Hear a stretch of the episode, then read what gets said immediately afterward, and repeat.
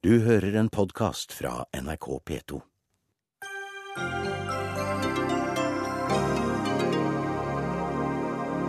Vil bilistene virkelig ha ny E18 vest for Oslo når de skjønner hvor dyrt det kan bli? Har du en dieselbil, kan du måtte punge ut med 240 kroner dagen. Erna Solberg på middag med Barack Obama i dag. Viktigere enn på lenge å styrke alliansen med USA, sier Amerika Amerikakjenner. Og minst 15 russiske medaljevinnere i Sotsji-OL kan ha vært dopet, ifølge New York Times. Trist for internasjonal idrett om dette er riktig, sier den norske skipresidenten.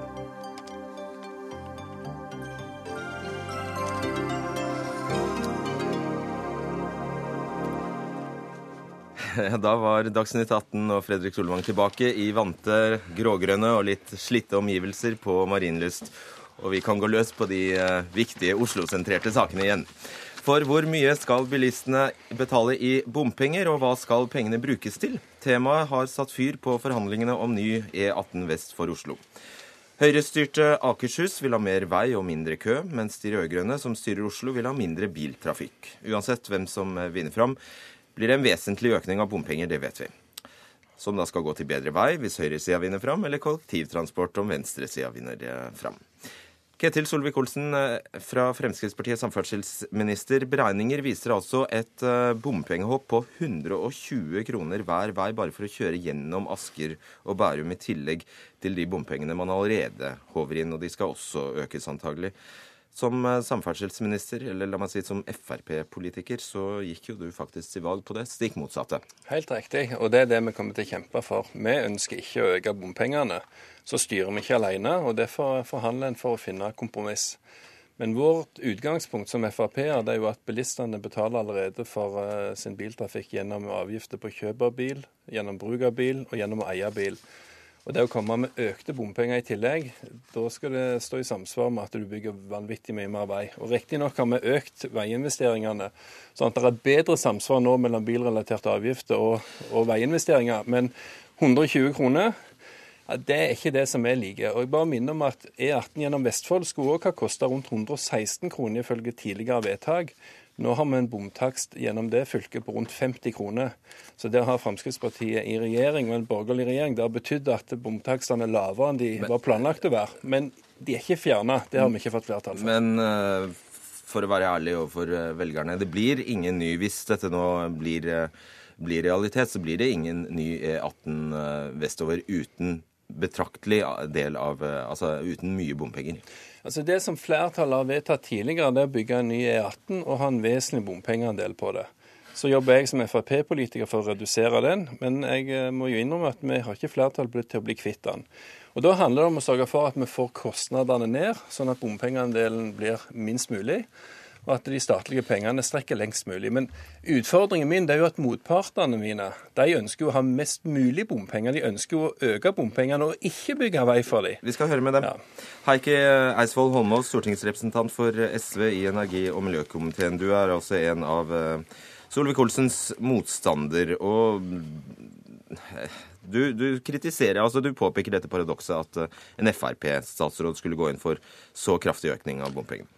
Ja, altså SV fikk jo flertall ved valget for å stoppe utvidelsen av veien mellom Oslo og Bærum fra seks til ti felt, fordi det fører til mer trafikk og mer forurensning, som er stikk i strid med det Stortinget har vedtatt. Og Da syns jeg det er veldig spesielt at en samferdselsminister fra Fremskrittspartiet kommer og vil tvinge Oslo og Akershus sin befolkning til å betale opp mot 120 kroner for en bompengemotorvei som ikke trengs. For det er en bompengeponanza som Frp lokalt både i Oslo og Akershus har stemt imot. Vil du være med å stoppe de bompengene, Heike, eller klager du bare for klagingen sin skyld? Nei, jeg... Eh, Vil du for... kutte de bompengene sammen med oss, så skal, vi, så skal jeg kjempe med deg. Han. Ketil Solvik-Olsen, det her du er uredelig i argumentasjonen. Nei, for du, jo, for det er du, du som sitter... kritiserer. Hva er din? Nå skal løsning? du la meg snakke. Ja. For du sitter i en regjering som har lovet at på den veien mellom Bærum og Oslo, så skal personbiltrafikken ikke øke. Og Hvis du øker antallet felt fra dagens seks til ti felt i fremtiden, så er den eneste måten å hindre vekst i persontrafikk på, det er å fortsette med bompenger og øke de men, i men, prøv å svare på spørsmålet du også, Holmås. SV vil øke bompengene. Så enkelt er det. Ja, Vi er tilhengere av å øke bompengene sammen med det alle partene i Oslo Så det er et billig poeng du har overfor Ketil Solvik-Olsen her? Nei, det er det ikke. fordi at jeg er for å bruke de bompengene for å sørge for at vi får et bedre tilbud til Oslo og Akershus sin befolkning gjennom en stor satsing på kollektivtrafikk i området, gjennom satsing på. Fornebubanen, gjennom å satse på, eh, på bussfelt og på gang- og sykkelvei, ja. Som altså jeg opplever at alle politikerne i Oslo og Akershus, Vi kommer bortsett fra tilbake til Frp, det. er for. Rasmus Hansson, stortingsrepresentant for De Grønne. Hvor mye vil dere øke bompengene med? Vi vil øke bompengene så mye som vi behøver å øke dem for å få bygd de delene eh, av E18 som er samfunnsøkonomisk lønnsomt og miljømessig forsvarlig. Det er mye mindre enn det gigantiske og helt utdaterte pres- prestisjeprosjektet som eh, Kjetil Solvik-Olsen og Høyre i Akershus og andre går inn for. Som vil øke, som vil, som vil, som vil øke biltrafikken eh, inn til byen. I hvert fall det det opprinnelig Jeg skal planlagt bare, for. kom- så kommer vi til å- bruke- Ja, ja, la, la, la, meg bare smette inn, eh, nei, la meg bare smette inn bakgrunnen her, for, for det, kan, det kan virke litt forvinnende. Altså bakgrunnen, Grunnen til at vi sitter her nå og igjen diskuterer dette her, er faktisk dere. Fordi dere altså i by, byrådet, i eh, bystyret i Oslo, har fått igjennom eh, at eh, disse kortene skal kastes opp i, i, igjen. ikke sant? Det er, det er bakgrunnen, fordi egentlig så er det en enighet om dette her. Eh, Det er en meget bred og solid enighet i flertallet i uh, Oslos bystyre, Uh, Miljøpartiet De Grønne, SV og Arbeiderpartiet sammen, om at vi ikke skal ha flere biler inn til Oslo. Vi må begynne å redusere antall biler inn til Oslo, og da må vi skalere eh, E18-utviklingen på en måte som sørger for at det ikke blir flere biler, eh, og så skal vi isteden bruke pengene på bedre sykkel- og kollektivløsninger til beste for alle. Og noe av det skal vi finansiere med eh, bompenger. Selvfølgelig, det er en fornuftig ting å bruke bompenger til. Og så kommer vi også til å bruke bompengene til å regulere trafikken og hindre at folk dør av luftforurensning i Oslo. Så når- Men summen av det vi kommer til å gjøre, kommer til å bli billigere enn det gammeldagse mastodontprosjektet som okay, Høyre, Akershus og Fremskrittspartiet prøver å, å trøkke igjennom. Når, når Jon Hustad da skriver at har du en dieselbil, vil det kunne føre til at du faktisk må ut med 240 kroner per dag. Det er vel basert på eh, Kjetil Solvik-Olsens vei, og ikke Heikki Holmås og min vei, kanskje? Ja, men det, det tallet, skremmer det deg? Det, Ja, jeg syns jo det er en haug med penger. eh, eh, Men, men det er altså ikke det tallet som, som følger av det prosjektet som Miljøpartiet De Grønne arbeider for, som er en en mye, mye mindre eh, endring på dagens E18. Vi ønsker å gjøre plass til kollektiv og sykkel. Og fordi vi vil ha mindre biler, så trenger vi ikke mer vei. Og da bruker vi mindre penger på å bygge vei. eh, blir ikke så stort behov for bompenger, og vi skal bruke mer penger på kollektiv Nå er prosessen eh, sånn, Solvik-Olsen, at Høyre-styrte Akershus eh, fylkeskommune, som vil, vil ha en bedre bilvei, og Oslo kommune, som vil ha mindre biltrafikk, skal forhandle. Og, Sammen med staten. sammen med staten. Ja, Hva gjør du om de ikke blir enige? Da gjelder dagens vedtak. Det er dagens Oslopakke. og Derfor er det verdt å minne om at det er altså gjort vedtak over mange år om at E18 gjennom eh, den såkalte Vestkorridoren, den skal bygges ut. Det stemte faktisk SV for for bare to og et halvt år siden. Så Derfor blir den debatten litt surrealistisk. Så syns jeg òg vi har fått etablert godt at selv om det er bompenger på denne veien, så ville de bompengene blitt høyere om noen andre enn Høyre og Frp styrte. Nei. Hvordan kan du si det? Det er jo helt Fordi at, fordi at de andre partiene vil ha bompenger, men ikke bygge vei. Sånn at de skal, altså bruke, de skal både skattlegge bilistene for den veien som bygges, og de skal skattlegge bilistene ytterligere for andre ting. Så er det viktige poenget her. det er at hvis en faktisk forholder seg til virkeligheten, så vet vi at de siste åtte årene med borgerlig styre, så gikk biltrafikken ned gjennom bomsnittet på E18. Gjennom hva for noe? Ja, altså Det ble færre biler som kjørte gjennom bom, bompengeringen enn det det var før. Så når, når, når dagens rød-grønne styre i Oslo prøver å gi inntrykk av at det har vært en jevn trafikkvekst hele veien, så er det faktisk ikke riktig. Den har gått ned. Samtidig så har vi uten å øke bompengene firedobla bevilgningen til kollektivtransport i Oslo. Vi har altså gjort det som Heikki sier han trenger økte bompenger for å gjøre. Det har dagens regjering gjort uten å øke bompengene. Og det er altså over 100 flere togavganger fra Oslo S nå enn når Heikki styrte. Så vi bygger ut kollektiv, vi bygger ut jernbane, vi bygger ut sykkelvei. Og vi skal bygge ut veier fordi det handler om å få vekk køene og gi bedre kollektivtransport, ikke opprettholde køene. Holmås, eh, oppklar SVs eh, standpunkt her. Det er, det er riktig som Solvik-Olsen faktisk påpeker, at eh, dere i nåværende nasjonal transportplan i, i, i flertall har sagt at, eh, at utbygging av Vestkorridoren inngår som en helt sentral del av Oslopakke 3. Dere er altså for denne utbyggingen? Nei, vi ikke for denne utbyggingen. Dere stemte sånn for den i Stortinget. Nei, det er sånn at Stortinget, I 2013. Stortinget Ketil Solvik-Olsen, har aldri vedtatt det bompengeprosjektet som nå ligger på bordet. De har aldri vedtatt den veien som ligger Glem der. bompengene. Det- om, altså, det er utbygging vi snakker om. Dere Ja. er for utbygging av E18 Vestkorridoren. Nei. Det vil Vedtatt ikke. dere har vedtatt Nei, i Stortinget det- 2013, Solvik-Olsen, Du vet utmerket godt, og det kan du gå til Stortingets eh, kontorer når som helst og, og få vite, at det er aldri vedtatt utbygget den, den E18 vestover som nå ligger på Da bordet. syns jeg programlederen skal Både- lese opp det han har framfor seg. Da sånn- da eh. La meg lese det, og så, kan vi, så får du oppklare hva som er feil her. Eller så får du oppklare eh, hvordan det står til.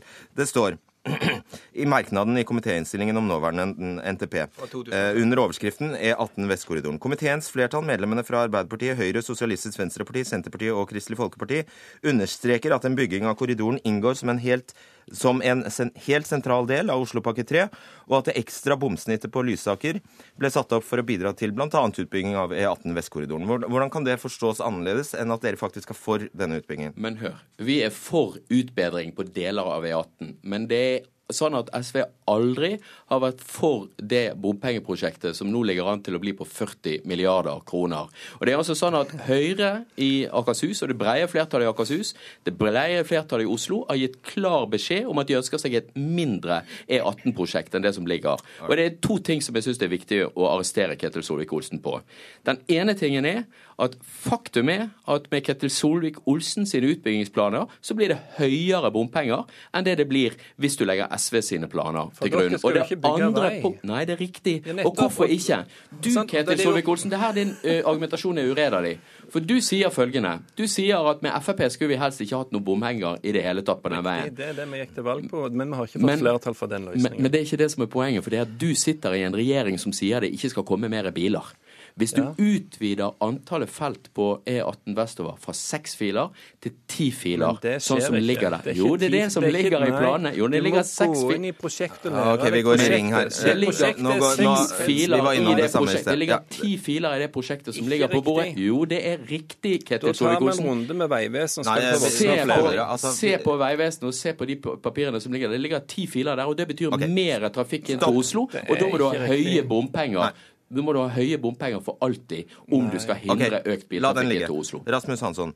Altså 34, millio- 34 til 40 milliarder er, er altså denne utbyggingen stipulert til.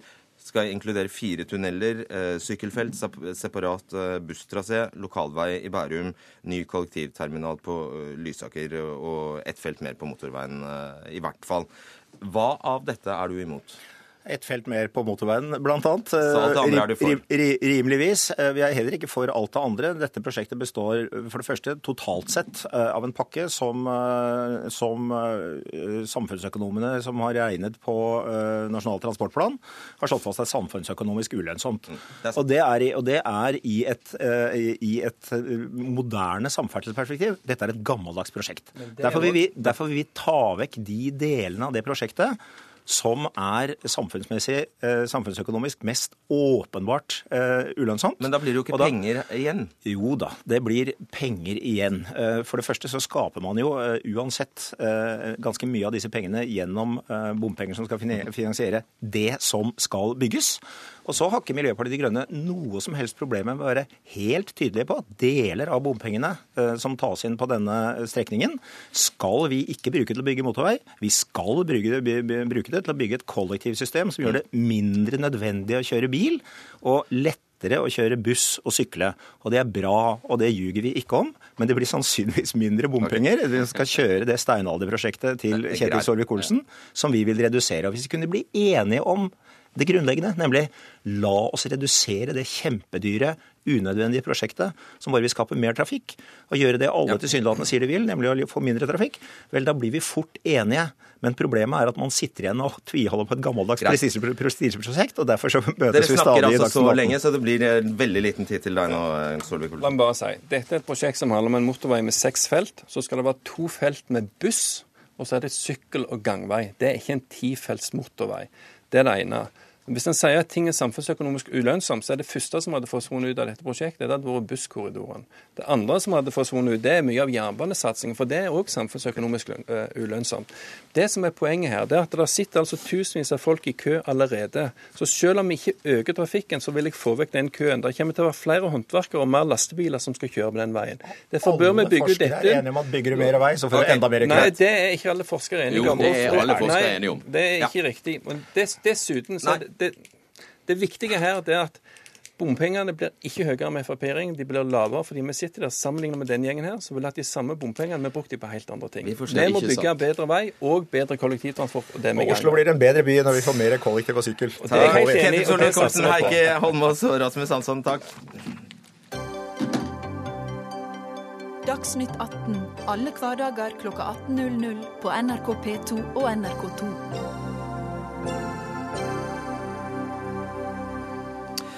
I dag skal statsminister Erna Solberg sitte til bords med president Barack Obama under en offisiell statsmiddag i Det hvite hus. Solberg er på besøk i den amerikanske hovedstaden Washington sammen med de andre nordiske stats- og regjeringssjefene. Og det er faktisk første gang på 48 år at en norsk hedersgjest er på middag i Det, norske, i, i det hvite hus. For eh, forrige gang det skjedde, var det kong Olav som var det. Vi skal eh, høre et kutt fra statsministerens tale i Det hvite hus i dag. if you make the right choices, over the next 15 years, we can eradicate extreme poverty. And we can have a fair and more peaceful future. And we can do all this in a way that safeguards the planet. Broad partnerships and innovative new approaches will be needed to achieve these goals. The United States and the Nordics will be in front. USAs korrespondent eh, Tove Bjørgaas, eh, det sa, dette her sa altså Erna Solberg i dag. Eh, Det er ikke akkurat små spørsmål hun tok for seg i talen her. Altså, velger vi riktig, kan vi i løpet av 15 år utrydde fattigdom, sier hun. Skape en mer rettferdig og mer fredelig framtid. Og alt dette på en måte som tar vare på planeten. Brede partnerskap og innovative løsninger må til. Og USA og de nordiske landene vil gå i front. Ja, det er jo et stort, det er et stort møte dette her med mange, mange land, og da er det jo, man må ha store ambisjoner. Men eh, det er jo ikke minst eh, sikkerhetspolitikk, Nato og klimaavtalen som eh, FN ble enige om, eller landene i verden er blitt enige om, som er de noen av de store spørsmålene på agendaen her eh, i dag. Og det har også aldri skjedd før at de, alle de nordiske regjeringssjefene har vært samlet i Det hvite hus. Så ja, så veien blir til mens man går her, tror jeg, i dag. Hva slags påfunn er dette her, å samle de fem eh, Ja, Nei, det er jo, altså jeg tror Norge ønsket seg jo egentlig et bilateralt besøk, for da får man jo diskutere sine saker. og Det er jo ikke alt de nordiske landene har til felles. Blant annet så er det jo ikke alle som er med i Nato. Men eh, som eh, Erna Solberg har, sagt til meg også, det er jo, eh, man får mer tid når man har et slikt stort, svært møte som dette. Og hun får jo hedersplassen i kveld når hun skal sitte ved siden av Barack Obama under middagen. og Da kan de sikkert få snakket om både det ene og det andre. Men det var altså eh, presidenten som, eh, som hadde lyst til å ha dette toppmøtet. og Han sa det i dag at eh, han er så inspirert av disse landene hvor likheten er så stor, og der noen av de lykkeligste menneskene i verden bor. Det viser jo den ene undersøkelsen etter den andre. Og han, han sa at noen ganger er det viktig å invitere sine beste venner. Man inviterer ofte kanskje de man har mer problemer med på, på slike statsbesøk, men har ønsket han å invitere noen av de beste vennene til USA, fordi han mener USA må styrke partnerskapet med de nordiske landene. Du verden. Eh, Bli med oss videre, Tove. Geir Lundestad, du er eh, tidligere professor i historie og eh, USA-kjenner. Hvor viktig er dette besøket for forholdet mellom USA og Norge?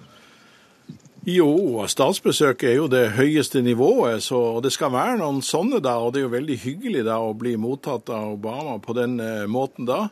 Eh, men vi, de utdragene vi hørte her, de illustrerer jo at man har ingen helt konkrete, kortsiktige problem å diskutere. Men eh, man, kan, man kan diskutere hele spekteret. Og her er jo en del lange linjer som virkelig kommer fram gjennom dette perspektivet. Og jeg vil jo si at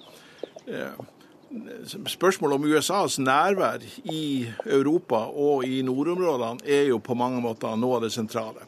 Alle de fem nordiske land har jo en klart felles interesse her. Det gjelder jo også eh, Sverige og Finland, da, som ikke er med i Nato. Og vi ser jo at de nordiske land eh, har engasjert seg rundt om i verden. Eh, Sverige og Finland var jo også med i Afghanistan f.eks.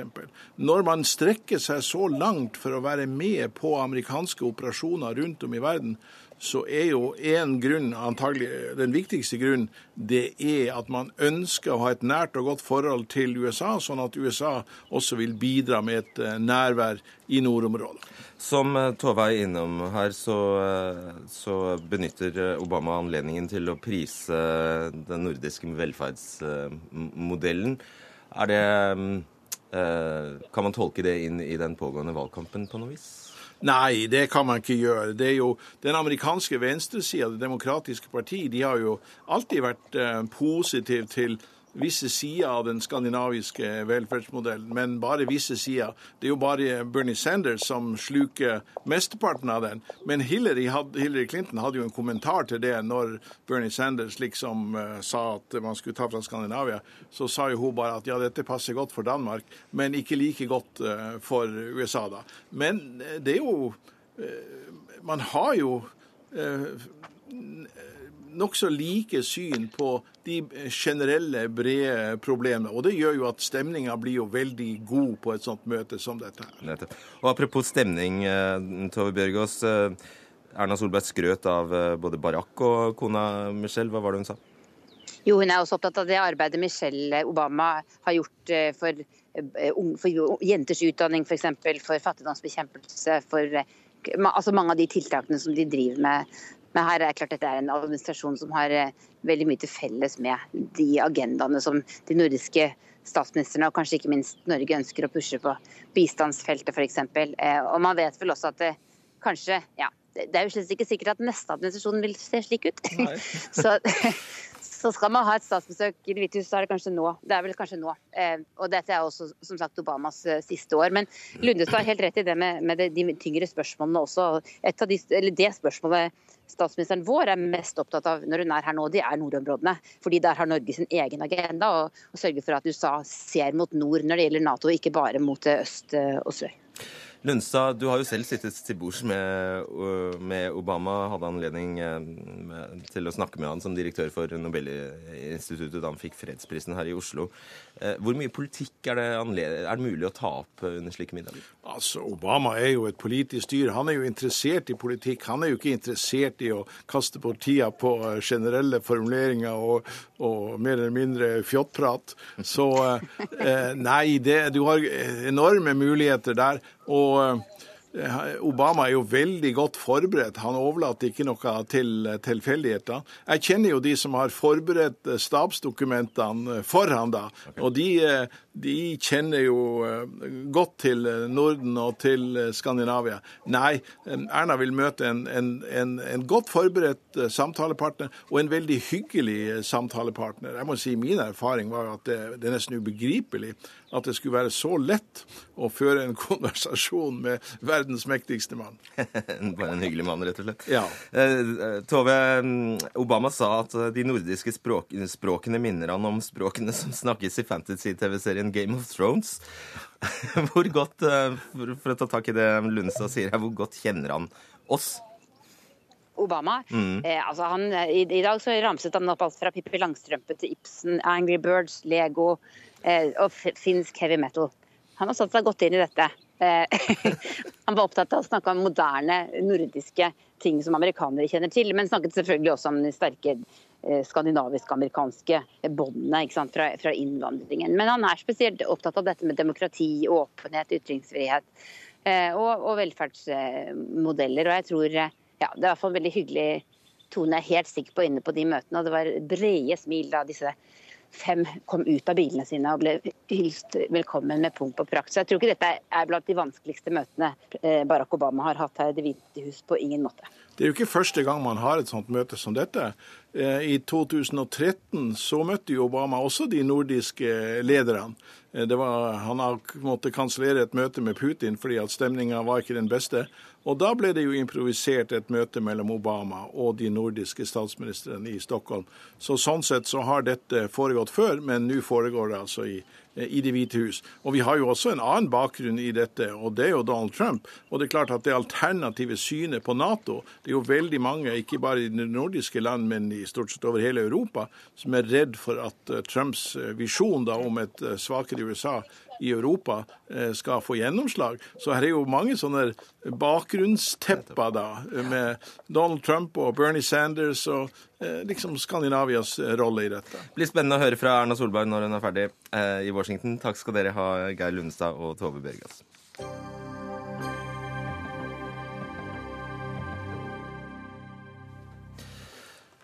Husker du at en eh, russer tok gull på femmila i OL i Sotsji for eh, to år siden, rett eh, foran Martin Jonsrud Sundbu, som endte på fjerdeplass? Ifølge avisen New York Times var en rekke russiske idrettsutøvere deriblant 15 medaljevinnere, en del av et omfattende statlig dopingprogram under vinter-OL i Sotsji. Vinter-OL i Sotsji. Avisen skriver at dopingprogrammet var nøye planlagt i flere år for å sikre russisk dominans i det olympiske mesterskapet. Blant eh, medaljevinnerne som er utpekt som juksere, inngår navnet på langrennsløper Aleksandr Lekov, som altså vant femmila i OL for to år siden. Eh, Lekhoff sier til Sport Ekspress at han ikke har sett denne saken. Men jeg kan si jeg er 300% rolig, slår han fast.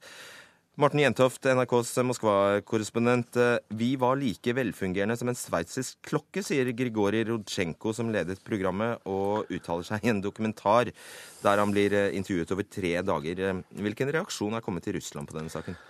Ja, reaksjonene har vært egentlig etter to forskjellige linjer. For det første så har eh, sportsminister Vitali Motko sagt at dette føyer seg inn i rekken av eh, angrep på Russland. Han utvider dette til å eh, handle om det generelle, den generelle russofobien som er ute i verden i dag. Og han får følge også når det gjelder den uttalelsen fra Dmitrij Peskov, som jo er talsmann, pressetalsmann for for Vladimir Putin, som sier at han helt og fullt støtter opp om eh, Mutko her. Men samtidig så ser vi også reaksjoner i Russland der man sier at vi skal etterforske disse påstandene. Vi lover å gå disse påstandene etter i eh, sømmene. Eh, så får vi se hva som skjer her. Russland er jo hardt presset allerede her. De er ekskludert fra Det internasjonale frihetsforbundet. Deltakelsen i OL den står på spill. sånn at uh, her må russerne også være forsiktige. De kan ikke bare gjemme seg bak uh, generell kan du si, furting over at dette er nok et forsøk på, uh, fra resten av verden, og særlig den vestlige verden og USA, på å knekke dem. Nei, Så kommer jo altså fra en av deres egne, Grigorij Rodsjenko, dette. Jo, men det er jo kanskje noe av det som man reagerer mest på. Sant? At han, han, blir da med en gang da stemplet som en, som en sviker her, da. Og dermed så eh, sier man det at hans troverdighet også eh, er tvilsom i og med at han er en mann da som har hoppet over til de andre. Eh, du, Idrett spiller en veldig viktig rolle fremdeles i, i Russland politisk? Ja, Det spiller en veldig viktig rolle også i eh, Vladimir Putins kan du si, bygging av det nye Russland. Og eh, det ble satset enormt da mot Sotsji-OL. Eh, ikke minst fordi at man der la ned enorme verdier i byggingen av disse anleggene i Sotsji. og Det skulle da krones med da også gode sportsresultater. Vi ser jo også innenfor en god del idretter så har russerne enorme midler til disposisjon, f.eks. innenfor skøyter. og vi har sett også innenfor skiskyting og ski. Sånn at det, det, spiller en veldig viktig rolle. Russerne er jo også interessert i, eh, i sport, og selvfølgelig ikke glad over disse dopingpåstandene, men folk som jeg snakker med, de sier jo at ja ja, de, vi driver nok med det, men det gjør jo alle andre også. Så man gjemmer seg litt bak det. Flere russiske utøvere har uttalt seg i saken. Hva har de sagt? Ja, altså eh, Aleksandr Lekov har som du, sagt, eh, som du sier selv vært ute og kommentert dette selv. Og han prøver å gjemme seg bak og si det at han har jo stått utenfor det offisielle russiske støtteapparatet. Han har jo eh, hatt sitt eget opplegg. Han har stort sett trent i Sveits med utenlandske trenere. Og dermed så sier han det at han kan ikke ha vært en del av et offisielt russisk eh, apparat som har eh, organisert doping. Og der har han jo noen poenger, men eh, det fritar han jo ikke for at han eventuelt også i forbindelse med, med OL da kan, kan ha vært med på dette her. Takk skal du ha, Morten Jentoft. Vi kommer jo helt sikkert tilbake til eh, denne saken senere. Erik Røste er med oss, president i Norges Skiforbund. Med et stort forbehold om at dette faktisk er riktig, da. Eh, hva er din reaksjon? Ja, og det, Du sa jo da egentlig det jeg har tenkt å si innledningsvis. At jeg må selvfølgelig ta alle mulige forbehold og det som har kommet fram nå i New York Times. Eh, for meg så må jeg si at det, det virker litt uvirkelig. Eh, når jeg leser eh, hvor detaljert og hvor måte, godt det her er satt i system. Eh, og jeg håper jo virkelig at man kan komme til bunns i det. Men, men eh, når jeg da sier at eh, det er litt sånn uvirkelig, desto mer alvorlig vil det jo være hvis det viser seg at det er, faktisk er riktig. Eh, Men hvis vi legger den, den saken litt til side, så er det jo ingen tvil om at eh, det som skjer rundt oss i dag, det er jo alvorlig. Og det var, man var innom det med, som skjedde i fjor høst med friidrett. Alvorlig fordi eh, det, det kan se ut som ting er satt i system. Altså at enkeltutøvere blir fristet til å forsøke å jukse. Det vil sannsynligvis eh, forekomme også i framtida. Men hvis det viser seg at det er en nasjon, et forbund, et helt lag som organiserer det, ja, det for meg så blir det langt mer alvorlig. Og jeg må si at jeg var jo av de som eh, var skeptisk til og syntes at eh, den kollektive avstraffelsen som Det internasjonale friidrettsforbundet eh, vedtok i fjor høst, at det, jeg, var, jeg var usikker på om det var riktig. Men jeg må jo si at eh, hvis det viser seg at, det, at det slike ting er satt i system, så tror jeg kanskje det er et virkemiddel som jeg er nødt til å ta i bruk. Er det det, ja, hva, hvilke, hvilke virkemidler har man tilgjengelig? Nei, altså det- det er jo et virkemiddel. At det faktisk er slik at hvis det viser seg at det, er satt i system, eh, så, så, så er man nødt til også å gjøre en, måte, gi en eh, kollektiv eh, avstraffelse. Og si at ja, det eh, land, nasjoner, eh, grener, eh, idretter eh, som gjør det, eh, de, de blir faktisk kollektivt utestengt. Eh, Det, det tror jeg kanskje vi er nødt til å diskutere, og det er vi nødt til å diskutere i, i våre ulike eh, internasjonale forbund. Eh, Men det må jo være noe med kontrollsystemene her som ikke er helt patente også? Ja, og det, det, er det, det er det andre. Eh, Og i kjølvannet av eh, det som skjedde i fjor høst, så har det jo blitt tatt til orde for at man bør opprette et internasjonalt uavhengig tilsynsorgan. Det vil si et organ som får ansvar for å, å føre tilsyn med de nasjonale antidopingbyråene, altså sånn som vi har i Norge, som heter Antidoping Norge, og som man har i Russland, som heter Rusada. Eh, Men også føre tilsyn med de internasjonale særforbundene. At de faktisk eh, gjennomfører kontroller med god kvalitet og hyppig nok.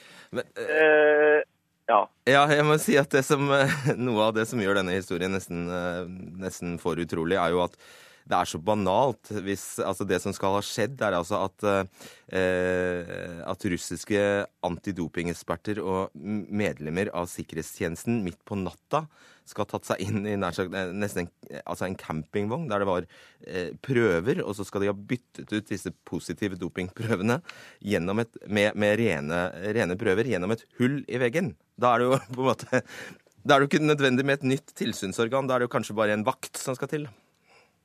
Jo, men jeg tror jo, jeg tror jo på en måte det er jo øh, Og, og det er jo, la meg si det, for meg så høres det der så nesten så uvirkelig ut at jeg har problemer med på en måte å ta det på alvor. Men la oss håpe at vi kommer til bunns i det.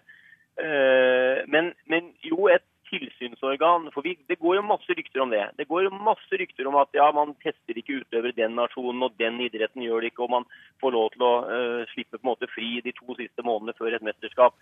Slike rykter uh, ønsker vi på en måte å komme til li- livs gjennom at det er et uavhengig organ som har ansvaret for det. Uh, jeg tror alle har tillit til at Antidoping Norge følger opp norske utøvere. Eh, men jeg er jo ikke sikker på at eh, man har like stor tillit til at alle afrikanske antidopingbyråer gjør det samme med sine utøvere.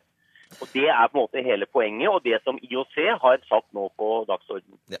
Vi setter strek eh, i denne omgang, kommer helt sikkert tilbake til dette. Takk skal du ha, Erik Røste.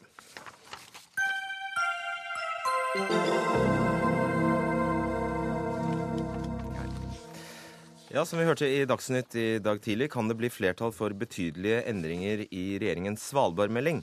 Både Arbeiderpartiet og Venstre ønsker mer konkrete forslag om hva det skal satses på i framtida på øygruppa. Blant annet krever partiene svar på hva som skjer med gruveselskapet Store Norske. Stortingsrepresentant Anniken Huitfeldt eh, for Arbeiderpartiet, du leder utenriks- og forsvarskomiteen på Stortinget. Og du er altså blant dem som etterlyser en mer konkret og tydelig Svalbard-melding. Hva var så utydelig, egentlig? Det er en god beskrivelse i denne stortingsmeldinga om eh, Svalbard, om hva man har fått til. om hvilke endringer som vi har sett i dette samfunnet fra de første 100 årene med fangst og fiske, så 100 år med hovedsakelig gruvedrift. Og nå blir det jo færre og færre som jobber på gruva. Nå er det bare 100 stykker. Det er langt flere nå som jobber innenfor eh, turisme og reiseliv. Men det som er viktig for Norge, er at vi har norsk tilstedeværelse der. Og at det ikke vi bare har aktivitet-. Ja, det er nordmenn der, ikke sant. Og andelen nordmenn går ned. Og det er, viktig, det viktig, viktig? det er viktig strategisk for Norge, fordi at dette er Norge. Og vi har Svalbardtraktaten, som gjør at alle som eh, ønsker å starte næringsvirksomhet som undertegner Svalbardtraktaten, kan gjøre det der. Men det er klart at det er viktig for Norge at det er norsk tilstedeværelse. Ja, og da, da du savner helt konkrete tiltak til hvordan man skal tiltrekke seg noe. Altså hvordan, hvordan få det til? Ja, det er flere ting som Svalbardsamfunnet har etterlyst. En ting er så enkelt som havn. Der har de satt av noe til- penger til å begynne med det, men det er ikke noe videre penger, eller de ser ikke noe eh, De store konkret. cruiseskipene får ikke lagt til. Er det sånn? Ja, det er nå flere cruiseskip som før la til i Ny-Ålesund, men nå har det blitt eh, forbud mot eh, disse store båtene der av miljøhensyn, og de skal nå inn til Longyearbyen. Og det er veldig mange båter som kommer inn i løpet av et år. Og hvis de skal kunne ligge der litt og bruke litt penger når de er der for å skape arbeidsplasser, så trenger de en ny havn. Og så er det Energiverket. Det er veldig gammelt. eh, Det er dyr strøm for folk. Så det er folk som bor på Svalbard veldig opptatt av for å kunne ha en stabil bosetting der. Og familiesamfunn. Er det som er viktig. Mm. Bare ta to ord om eh, altså det, det som nødvendigvis eh, blir dette er helt sentralt her, er jo altså Store Norske, kulldriften på Svalbard. Eh, hva mener dere om det? Vi mener at vi må skape nye arbeidsplasser, men eh, enkelte partier vil bare stenge gruva. Det vil jeg advare mot. Det kan jo bety at andre land kan bare gå inn og starte virksomheten der. Og vi må forstå kulldriften eh, sikkerhetspolitisk. Og det går nedover, for det er ikke så lønnsomme kullpriser. Men vi får få andre næringer opp og gå. Men Er det greit det som står, her, står i denne meldingen om, om Store Norske? Jeg syns ikke det er noen ny strategi for hvordan Store Norske kan lage nye typer arbeidsplasser. Vi fikk, jeg var der for ikke så lenge siden. Da fikk vi presentert veldig mange planer for hvordan de kunne starte en ny virksomhet. Innovasjon Norge har fått noen nye penger, men eh, det er ikke en eh, skikkelig ny industriell motor som regjeringen her legger opp til. Nei. Eh, statssekretær i Justisdepartementet Gjermund Hagesæter fra Fremskrittspartiet. Hva vil dere med Store Norske? Hva vil dere med kulldriften? Ja, altså Der har jo vi innstilt til Stortinget, og den har nettopp òg blitt behandla i, eh, i Stortinget, at vi har en driftshvile når det gjelder Sve og Lånkefjell i inntil tre år. Eh, I dag så er altså kullprisen altfor lav til at vi kan få til lønnsom drift. Hvordan kullprisen utvikler seg fremover, det er det altså ikke regjeringen som bestemmer, det er det markedet på verdensbasis som bestemmer. Det skjønner vi. Hvis kullprisen går opp, så vil vi ha en situasjon eh, som kanskje gjør da at man kan vurdere å starte opp igjen. Eh, hvis kullprisen holder seg på dagens nivå eller faller, eh, så vil ikke det være en mulighet. Så dere er så vage som man kunne vite? Jo, men altså, vi kan jo ikke forklare, for, si noe om eh, kullprisen i framtiden. Det er markedet som Nei, men Dere kunne kull- altså, sier Huitfeldt, sagt noe om hva Store Norske skulle drive med i stedet? Ja, men altså, Nå har Stortinget nettopp bestemt at vi skal ha driftshvile i inntil tre år. Da ville det jo vært direkte oppsiktsvekkende hvis vi kom med en annen signal i Svalbardmeldinga enn det som Stortinget har vedtatt for få uker siden. Jeg tror Stortinget hadde satt pris på ja, om eh, man hadde staket opp en ny kurs for Store Norske. Jeg er helt enig i at det å drive mye gruvedrift, det er avhengig av kullprisene internasjonalt. Men det kan være annen type virksomhet som Store Norske kan sette i gang. Eh, Du har sikkert vært og hørt på de planene som de har presentert, og det har jeg også. Det som er viktig, er jo å få attraktive arbeidsplasser. Og det mange sier nå, er at hvis befolkninga går noe ned nå, så, er det, så når det en kritisk masse. ikke sant? Da er det ikke nok butikker, da er det ikke nok virksomhet, da er det ikke nok kulturtilbud. Eh, Så du må ha en viss bosetning for å kunne opprettholde den som er der. Litt, ja, ikke, ikke gå rundt det. Kan du bare, bare, bare være helt, helt tydelig på hvorfor er det viktig at det skal bo nordmenn der? Det er viktig strategisk for Norge. Hva betyr det? Svalbard er Norge. Og etter annen verdenskrig så var det, var det nok noen i Norge som var engstelige for at eh, Russland skulle si at vi skal ha Svalbard. Der kom. Fordi at eh, de frigjorde Finnmark. Og så dro jo da den norske utenriksministeren eh, Trygve Lie han dro til St. Petersburg til eh, Russlands utenriksminister, og Molotov den gangen nevnte ikke eh, at han ville endre Svalbardtraktaten. Så det har ligget under, men russerne har klart respektert at dette er norsk grunn. Men det som er utfordrende nå, det er jo at vi ikke har passkontroll der. Eh, det betyr jo at det er vanskelig f.eks. For, for andre land å sette opp direkteruter. Det er passkontroll på flyet. Så vi må jo se på dette i lys av den nye situasjonen. og det å ha tilstedeværelse på Svalbard nå er kanskje enda viktigere nå. Ja, og Derfor så har vi kommet med mange konkrete tiltak i eh, Svalbardmeldinga. Eh, vi har bl.a. forvaltningsområde 10. Der skal vi åpne opp for større grad av turisme. Vi har også åpna opp at man kan ha kortreist mat, fisk fra isfjorden og servere til turister noe som ikke har vært mulig tidligere. Og Vi har også foretatt endringer som gjør at man f.eks. har fått eh, verdens nordligste bryggeri med flere helårs arbeidsplasser. Og vi har flere tiltak. Vi har også eh, investert nesten 200 millioner kroner i eh, Energiverket, både for å ruste det opp og også for å få rensing på det, og også reserveenergikraft. Og vi har gjort mange tiltak. Vi har også... Det er en lang liste. men jeg har bare lyst, lyst til at du adresserer det, det Huitfeldt er inne på her, altså den strategiske betydningen av, av Svalbard for, for ja. Eh, Norge. Og det er jo ikke sånn at Russland Eh, sitter helt stille. Det har bl.a. vært et svært kontroversielt besøk der for, for, litt siden av en russisk Det er helt, eh, helt riktig. Og av, altså, Nå er det vanligvis det er ti år mellom hver gang en Svalbard-melding blir lagt frem for Stortinget. Denne gangen er det bare sju år. Bakgrunnen for at vi kommer liksom tre år før den normalt skulle blitt lagt frem, det er jo da både den situasjonen som Store Norske er i, at man har redusert fra 350 til 100 på, på litt over et år. Uh, men så er det òg den økende interessen det har vært for Arktis og for Svalbard. Og, og Derfor så er det veldig viktig med en, en robust norsk bosetning. Svalbard er en viktig del av Norge.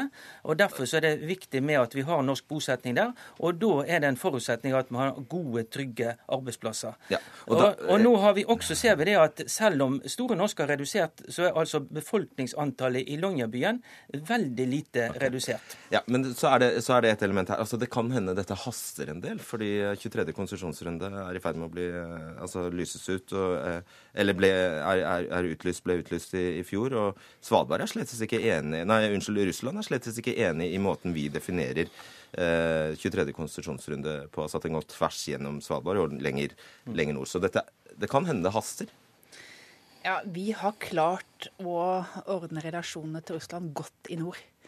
Dette er regulert. Vi har fått en delelinje med Russland. Men som på veldig mange områder så er det viktig eh, hvem som bor der.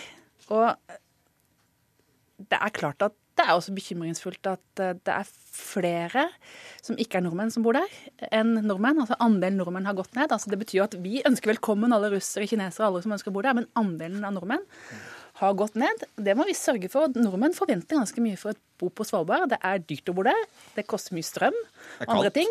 Og jeg hører at regjeringen sier de har lagt fram mye, men jeg vet at den meldinga blir ikke så positivt mottatt på Svalbard som det statssekretæren her eh, gjør redde for. Så jeg håper at på Stortinget kan, kan vi komme fram til noen nye forslag, for folk ønsker seg mer for å bli boende. Jeg var på Svalbard og la den fram, og det var veldig mye positive tilbakemeldinger. Og Når det gjelder kai, så har vi også satt i gang et arbeid der med at Kystverket utarbeider en KVU. Vi har satt av 15 millioner kroner til det, og det skal vi ha i, til høsten. Og da skal vi jobbe videre med det. Så her vi, har vi en stø kurs, og her skal vi legge til rette for mange gode, trygge trygge norske arbeidsplasser. Takk skal dere ha, Anniken Huitfeldt og Gjermund Hagesæter.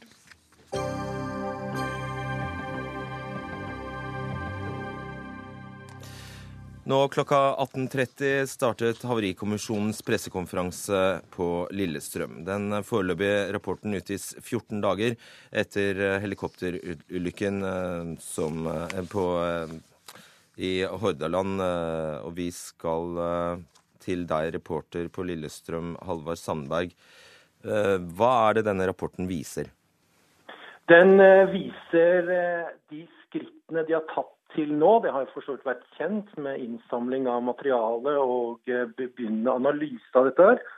Så forteller de også at nå har de startet en fase hvor de sender deler til metallurgisk laboratorium for nærmere undersøkelser.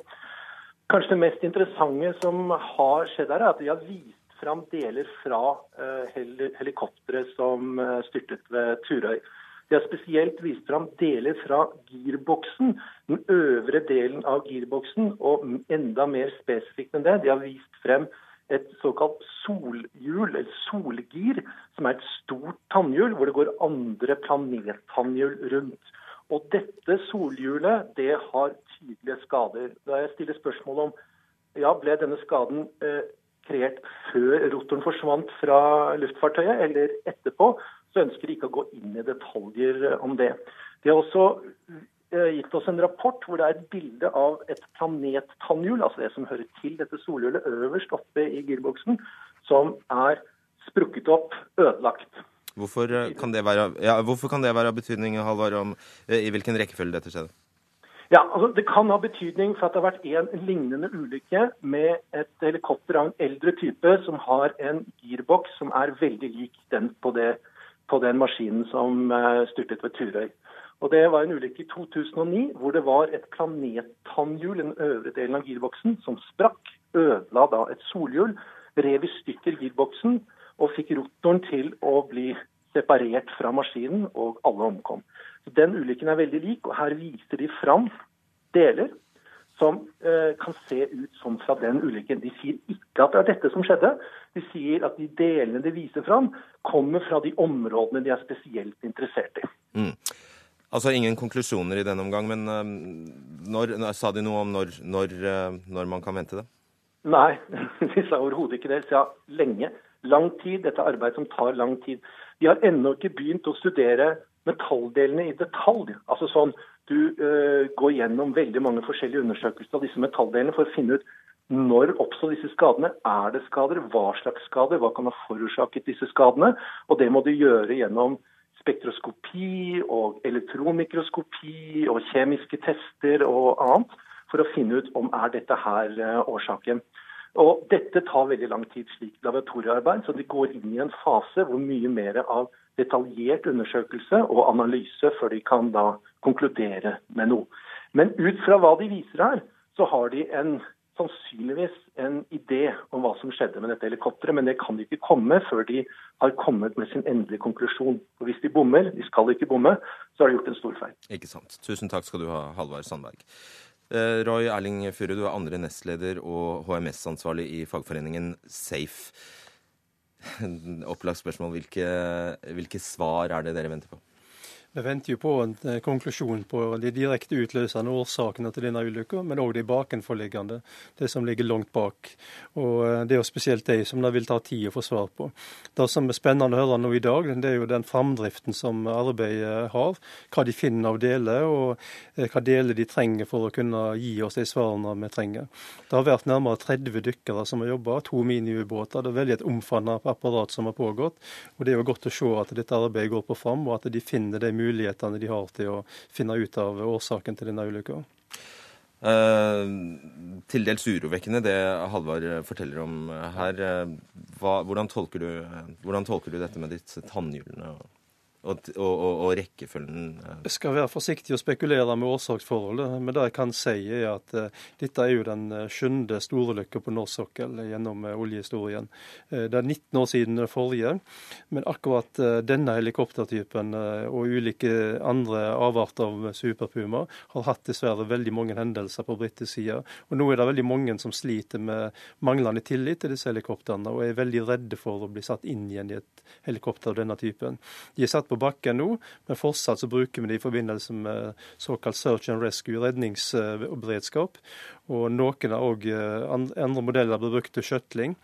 Men eh, jeg får veldig massive tilbakemeldinger fra de som jobber i Nordsjøen, at det, vær så snill, ikke putt oss inn i denne helikopteret igjen. Vi vil slippe å oppleve dette. Og det de er redde? Ja, de er veldig redde. Det handler om opplevd sikkerhet. Jeg fikk faktisk en melding rett før jeg gikk til studio om en person som var blitt alvorlig syk pga. å reist med lignende helikopter kort tid etter denne ulykka. Er, er det en fordel om det er en kjent årsak, eller er det en ulempe? Altså, Det kan nok eh, En forklaring som er forståelig og inngir tillit, vil nok være til stor hjelp for de som nå sliter med tryggheten med å reise med helikopter. Eh, og Får vi en god forklaring, så vil nok det hjelpe veldig. Men ja. Eh, når vi får den, da gjenstår å se. da. Ja, jeg formulerte meg litt klønete. Ja. Det jeg mente var egentlig La oss si da uh, at dette er Hvis dette skulle vise seg å være en feil som var kjent, som hadde skjedd tidligere, vil det være en fordel eller ulempe? Det er både òg. Altså, antall hendelser med denne typen helikopter. Det er jo det som har gjort at det er den store frykten for denne modellen kommer. Og, og det med opplevd sikkerhet det handler jo òg litt om støy, vibrasjon. Man sitter stua tett sammen med, med knær som går inn i hverandre. og den uh, følelsen av utrygghet det får vi forklart er veldig stor med denne typen helikopter. Så den forklaringen som kommer, den vil uh, være stor betydning for alle som jobber i næringen i forhold til å forstå og ha tillit til veien videre. Og Dere har advart mot denne typen, eh, altså superpuma? Denne har vært upopulær før denne ulykka. Og det begynte jo med ulykkene på britisk sokkel. Det har jo vært veldig alvorlige ulykker der òg.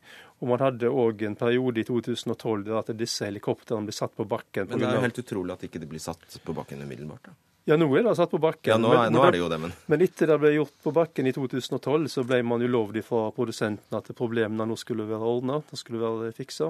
Så sjokket som vi fikk allerede 2. mai, når Airbus gikk ut og friskmeldte denne helikoptertypen på nytt igjen, det var stort. Vi reagerte veldig på den eh, friskmeldinga som kom fra produsenten i denne sammenheng. Og så er fire av de omkomne begravet i dag. Ja. Dette er jo en hendelse som rammer alle veldig tungt i næringen. Veldig mange av de som var om bord, kjenner mange. De hadde vært lenge i næringen og vi hadde et stort nettverk. Så dette er en, en ulykke som berører veldig tungt alle oss som jobber i næringen. Dette har virkelig gått inn på oss. Takk skal du ha, Roy Erlingfur. Hør Dagsnytt 18 når du vil. Radio NRK Radio.nrk.no.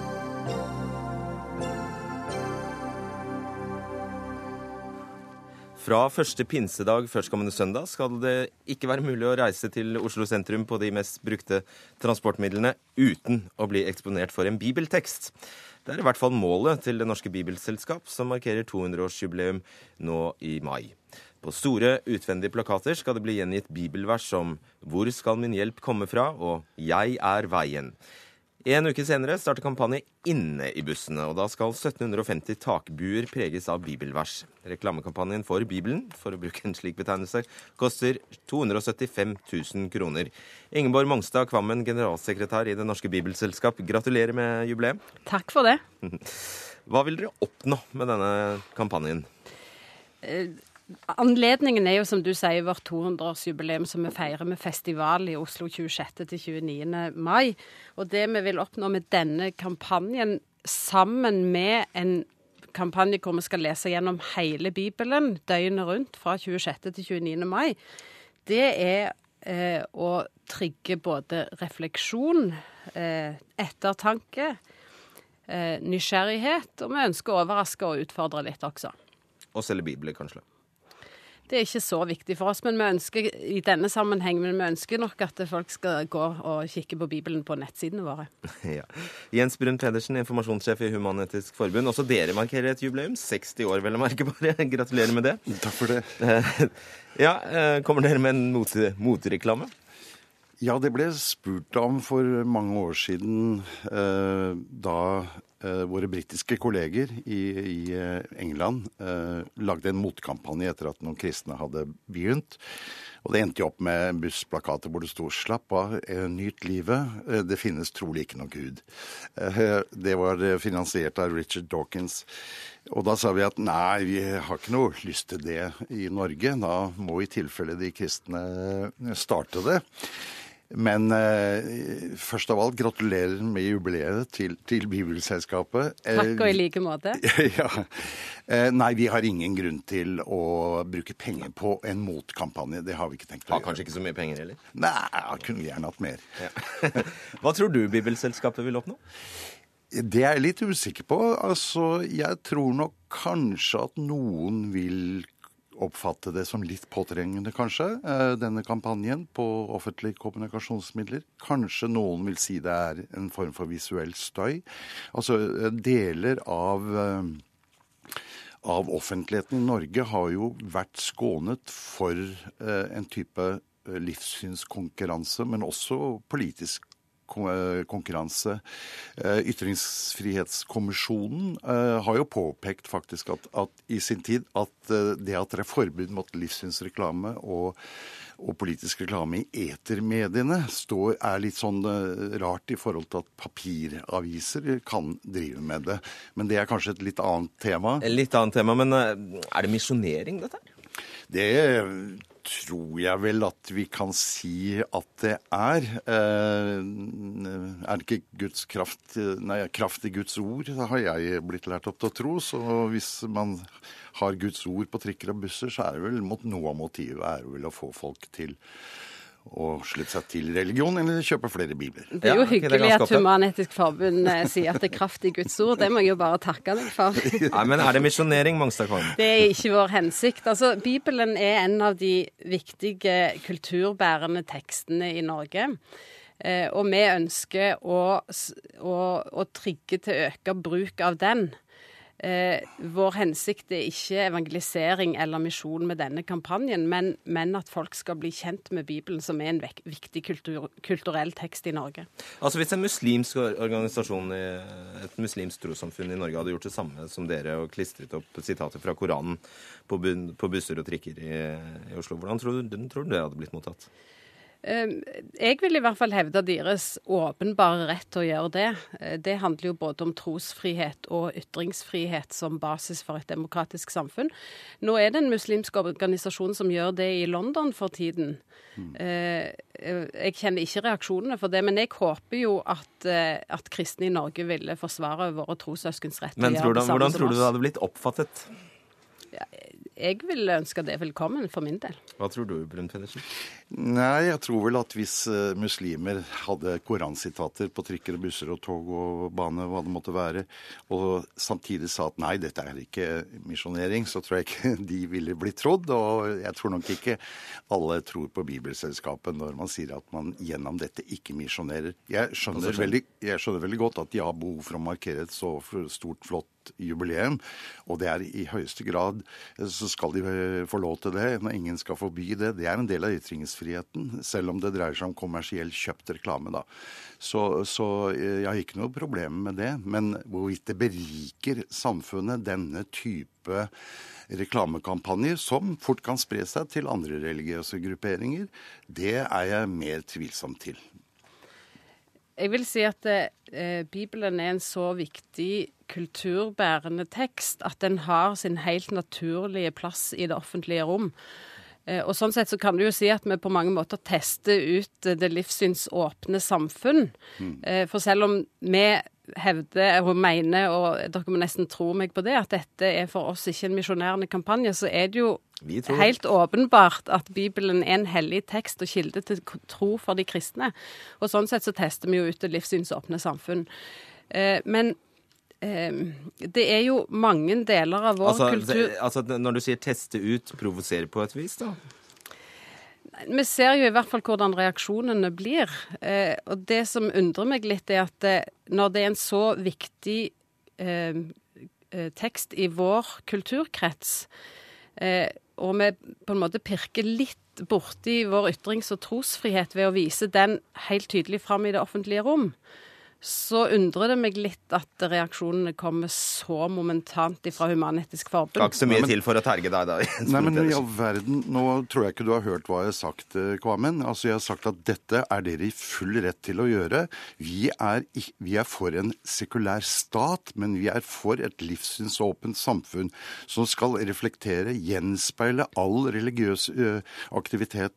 Og, og det skal ikke legges noen begrensninger på verken religiøse eller ikke ikke-religiøses aktivitet i samfunnet, i det offentlige rom. Det vi er ute etter, er en sekulær kommunal og statlig forvaltning. Du har 20 sekunder på dem, Kan. Nei, men Det er jo hyggelig at, eh, at du sier det. Um, uh, da er vi jo for så vidt helt enige om akkurat det. Ja, Da brukte du bare ti, ti av de 20 sekundene. Jeg vil jo oppfordre folk til å, å, å lese disse ja. tekstene og reflektere litt, og stikke innom Domkirkeparken og høre hele Bibelen lest 26. til 29. mai. Ikke sant. Da må du ta en trikk eller en buss i Oslo. Ja. ja. Tusen takk skal dere ha, Ingeborg Mongstad Kvammen og Jens Brun eh, Pedersen. Med det går vi altså inn i pinsen, eh, dere. Eh, vi er ikke tilbake før onsdag i neste uke, faktisk. Etter 17. mai. Det var Ida Tune Øresland som var ansvarlig for sendingen. Teknisk ansvarlig var Hanne Lunås, og jeg heter Fredrik Solvang.